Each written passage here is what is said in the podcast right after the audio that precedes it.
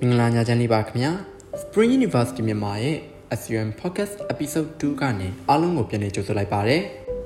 ဒီနေ့ညမှာတော့နိုင်ငံသားကိုတွားရောက်ပြီးပညာသင်ကြားလိုတဲ့ကျောင်းသားကျောင်းသူတွေအနေနဲ့မသိမဖြစ်သိထားရမယ့် IELTS အကြောင်းကိုဆွေးနွေးတင်ပြပေးသွားမှာပဲဖြစ်ပါတယ်ခင်ဗျာ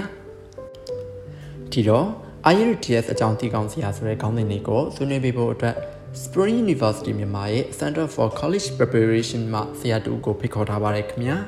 မင်္ဂလာပါဆရာပ ထမဆုံးအနေနဲ့ကျွန်တော်တို့ကျောင်းသားတွေကိုမိတ်ဆက်စကားလေးပြောပြပါအောင်ခင်ဗျဟုတ်ကဲ့မင်္ဂလာပါကျွန်တော်ကတော့ Spring University မြန်မာရဲ့ Center for College Preparation မှာ IELTS သင်ပေးနေတဲ့ဆရာတစ်ယောက်ပဲဖြစ်ပါတယ်ဟုတ်ကဲ့ပါဆရာ IELTS ကိုတော့ကျွန်တော်တို့လူငယ်အများစုကြားဖူးနားဝရှိကြပါတယ်ဒါပေမဲ့အခုဒီ podcast ကိုနားထောင်နေတဲ့ကျောင်းသားကျောင်းသူတွေထဲမှာလည်းပဲ IELTS ကိုအခုမှကြားဖူးတဲ့သူတွေလည်းရှိနိုင်တာကြောင့်မို့လို့ IELTS ဆိုတာဘာလဲဆိုတာကိုဆရာအနေနဲ့ အရင်ဆုံးပြောကြားပေးပါအောင်ခင်ဗျာဟုတ်ကဲ့ဗျ IELTS ဆိုတာကကြတော့ကျွန်တော်တို့ International English Language Testing System ဆိုပြီးတော့အရှိကောက်ရှိရပေါ့နော်အဲ့တော့ပထမဆုံးစလုံးဖြစ်တဲ့ I နဲ့ပြီးတော့ Jan နဲ့ ELTS else ကိုတွဲထားပြီးတော့ IELTS လို့လည်းအလွယ်ခေါ်ကြပါတယ် IELTS ရဲ့အဓိကရွေးချက်ကတော့ကိုယ့်ရဲ့အင်္ဂလိပ်စာအရေးအချင်းဘယ်လောက်ရှိလဲဆိုတာကိုစမ်းစစ်ပေးတဲ့စာမွေးပဲဖြစ်ပါတယ်။သူနဲ့ပုံစံတူဆိုရင်ကျွန်တော်တို့ TOEFL ရှိရယ် ပြီးတော့ Duolingo English Test လည်းရှိရယ် IELTS မှာဆိုရင်ကြတော့အင်္ဂလိပ်စာကိုဘယ်လောက်ကျွမ်းကျွမ်းကျင်ကျင်အသုံးပြုနိုင်လဲဆိုတာကိုကျွန်တော်တို့ listening, reading, writing နဲ့ speaking ဆိုပြီးတော့ language skill ၄ခုလုံးကိုစစ်ဆေးပေးပါတယ်။အမှတ်ပေးတဲ့အခါကျတော့ကျွန်တော်တို့ band score 1ကနေပြီးတော့9အထိပေးပါတယ်။တော့အင်္ဂလိပ်စာကိုကျွန်တော်ပို့ပြီးတော့ကျွမ်းကျွမ်းကျင်ကျင်အသုံးပြုနိုင်လေလေ band score ကပို့ပြီးတော့မြင့်မြင့်ရပါလိမ့်မယ် ဥပမာကျွန်တော်တို့ band score 4လောက်ဆိုရင်အင်္ဂလိပ်စာကိုအသုံးပြုတာတော့ပြုနိုင်တယ်ဒါပေမဲ့တိတ်တော့မကျွမ်းကျင်သေးတဲ့အခြေအနေလို့ပြောလို့ရတယ် band score 9ဆိုရင်ကြတော့အင်္ဂလိပ်စာကိုတစ်ဖက်ကန့်ခတ်ကျွမ်းကျွမ်းကျင်ကျင်အသုံးပြုနိုင်တဲ့အခြေအနေလို့ပြောလို့ရပါတယ် IELTS ကိုဘယ်လိုဖြေလို့ရလဲဆိုရင်ကျွန်တော်တို့အရင်တုန်းက paper based test နေနဲ့ရှိတယ်အခုဆိုရင်နောက်ပိုင်းမှာ computer based test ရဲ့ IELTS indicator ဆိုပြီးတော့လည်းရှိပါတယ် အဲ့တော့ paper base နဲ့ computer base က exam center မှာတွားဖြေရပြီးတော့ IELTS indicator ကကိုယ့်ရဲ့အိမ်မှာပဲကျွန်တော် internet နဲ့ဖြေလို့ရပါတယ်ဟုတ်ကဲ့ပါဆရာအခုဆိုရင် IELTS ကဘာလဲဆိုတာကိုတည်သွားပြီးရဲ့အခါမှာဘယ်လိုလူတွေဖြေဆိုတင်လဲဆိုတာကိုလည်းဆရာအနေနဲ့ပြပြပေးပါအောင်ခင်ဗျာအဓိကကတော့ကျွန်တော်တို့ IELTS exam ကတခြားနိုင်ငံတစ်ခုခုကိုတွားပြီးတော့အင်္ဂလိပ်ဘာသာစကားအသုံးပြုပြီးတော့ပညာသင်ယူခြင်းတဲ့သူတွေ အလုပ်လုပ်ခြင်းတဲ့သူတွေဒါမှမဟုတ်ရင်ပြောင်းရွှေ့အခြေချနေထိုင်ခြင်းတဲ့သူတွေအတွက်ပါအဲတကဘာလုံးကတက္ကသိုလ်တွေကုမ္ပဏီတွေပြီးတော့လူဝင်မှုကြီးကြပ်ရေးဌာနတွေဒီလိုမျိုးအဖွဲ့အစည်းပေါင်း1000ကျော်လောက်က IELTS ရမှတ်တွေကိုလက်ခံကြပါတယ်အဲ့တော့ဘယ်အဖွဲ့အစည်းတွေပါလဲသိချင်ရင်ကျွန်တော်တို့ ielts.org/recognition ဆိုတဲ့ website မှာသွားပြီးတော့ကြည့်လို့ရပါတယ် IELTS က academic အတွက်ရယ် general training အတွက်ရယ်ဆိုပြီးတော့အဓိကနှစ်မျိုးရှိပါတယ်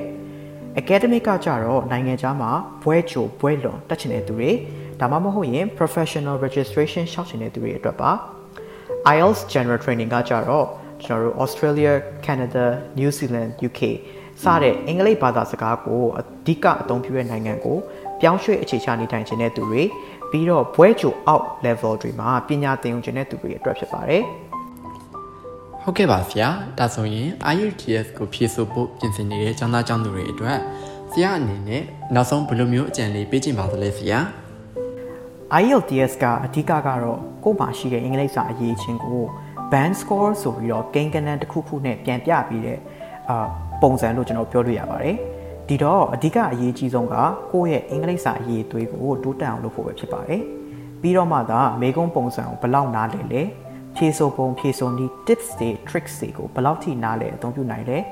လေ့ကျင့်မှုဘယ်လောက်ထိရှိလဲဆိုတဲ့ပုံမူတည်ပြီးတော့ကိုအများဆုံးရနိုင်တဲ့အမှတ်ကိုရမှာဖြစ်ပါတယ်ကျွန်တော်ထားပါတော့ကိုယ့်ရဲ့မူလအင်္ဂလိပ်စာရေးသွေးက intermediate level လောက်ရှိရဆိုရင်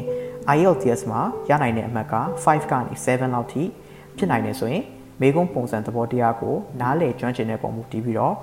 7ကိုတေချာပေါက်ရအောင်လို့ကျွန်တော်လေ့ကျင့်လို့ရပါတယ်။ ဒီတော့အင်္ဂလိပ်စာရေးတွေ့တိုးတက်ဖို့ဆိုရင်တကယ်လို့သင်တန်းတွေမတက်နိုင်ဘူးဆိုရင်တော့မှကျွန်တော်တို့ internet မှာကိုယ်တိုင်လေ့လာလို့ရတဲ့ website တွေ resource တွေအများကြီးရှိပါတယ် listening နဲ့ reading အတွက်ဆိုရင်ကျွန်တော်တို့အင်္ဂလိပ်လိုရေးသားထားတဲ့စာအုပ်တွေစောင်းပါးတွေဖတ်တာအင်္ဂလိပ်ရုပ်ရှင်တွေကြည့်တာတခြင်းတွေနားထောင်နေရနေပြီးတော့လည်းအလေးချင်းတစ်ခုလုပ်ယူလို့ရပါတယ် writing နဲ့ speaking အတွက်ကကြတော့ကိုယ်တိုင်ရေးကြည့်ရင်ပြောချင်ရင်မှတိုးတက်လာနိုင်မှာဖြစ်ပါတယ် vocabulary ဝေါ်ဟာရတွေနဲ့ grammar တရားအပိုင်းကိုလည်းတိုးတက်အောင်လည်းအချိန်ပေးတည်လာဖို့လိုပါတယ်။ကို့အနေနဲ့အင်္ဂလိပ်စာအရေးသွေးကကောင်းပြီးသားဆိုရင်တော့မေကွန်ဟောင်းတွေကိုစူးစမ်းဖြည့်ကြည့်ပြီးတော့စာမွေးပုံစံနဲ့အသားကျသွားပြီဆိုရင်ကိုလိုချင်တဲ့ရမှတ်ကိုအလွယ်တကူရနိုင်ပါတယ်။အဓိကကတော့ကိုယ့်ရဲ့အင်္ဂလိပ်စာအရေးသွေးကိုတိုးတက်အောင်လေ့ကျင့်ဖို့လိုမှာပဲဖြစ်ပါတယ်။ဟုတ်ကဲ့ပါဆရာအခုလို IELTS အကြောင်းကိုစစုံလင်လင်လေးဆွေးနွေးပေးသွားတဲ့ဆရာကိုလည်းကျေးဇူးအထူးတင်ရှိပါတယ်ခင်ဗျာ ဒီ podcast လေးကိုနားဆင်နေကြတဲ့ကျောင်းသားကျောင်းသူတွေအနေနဲ့လည်း IELTS အကြောင်းကိုအနည်းငယ်သိရှိသွားပြီလို့ယုံကြည်မိပါတယ်ခင်ဗျာဒီတက်ကိုပို့ပြီးတော့အသေးစိတ်သိရှိလိုပါကကျွန်တော်တို့ဒီ post လေး comment မှာဖြစ်ဖြစ် Messenger chat box မှာဖြစ်ဖြစ်လာရောက်မေးမြန်းနိုင်ပါတယ်နောက်နေ့နောက်ပတ်တွေမှာလည်းပဲလူငယ်တွေအတွက်အကျိုးရှိမဲ့ podcast လေးတွေကိုပုံမှန်တင်ဆက်သွားမှာဖြစ်တဲ့အတွက်ကြောင့်မို့လို့ကျွန်တော် Spring University မြန်မာရဲ့ Facebook, YouTube နဲ့ Spotify တို့မှာ subscribe and follow လေးလုပ်ထားပေးကြဖို့လည်းပြောချင်ပါတယ်ခင်ဗျာအားလုံးကျေးဇူးတင်ပါတယ်ခင်ဗျာ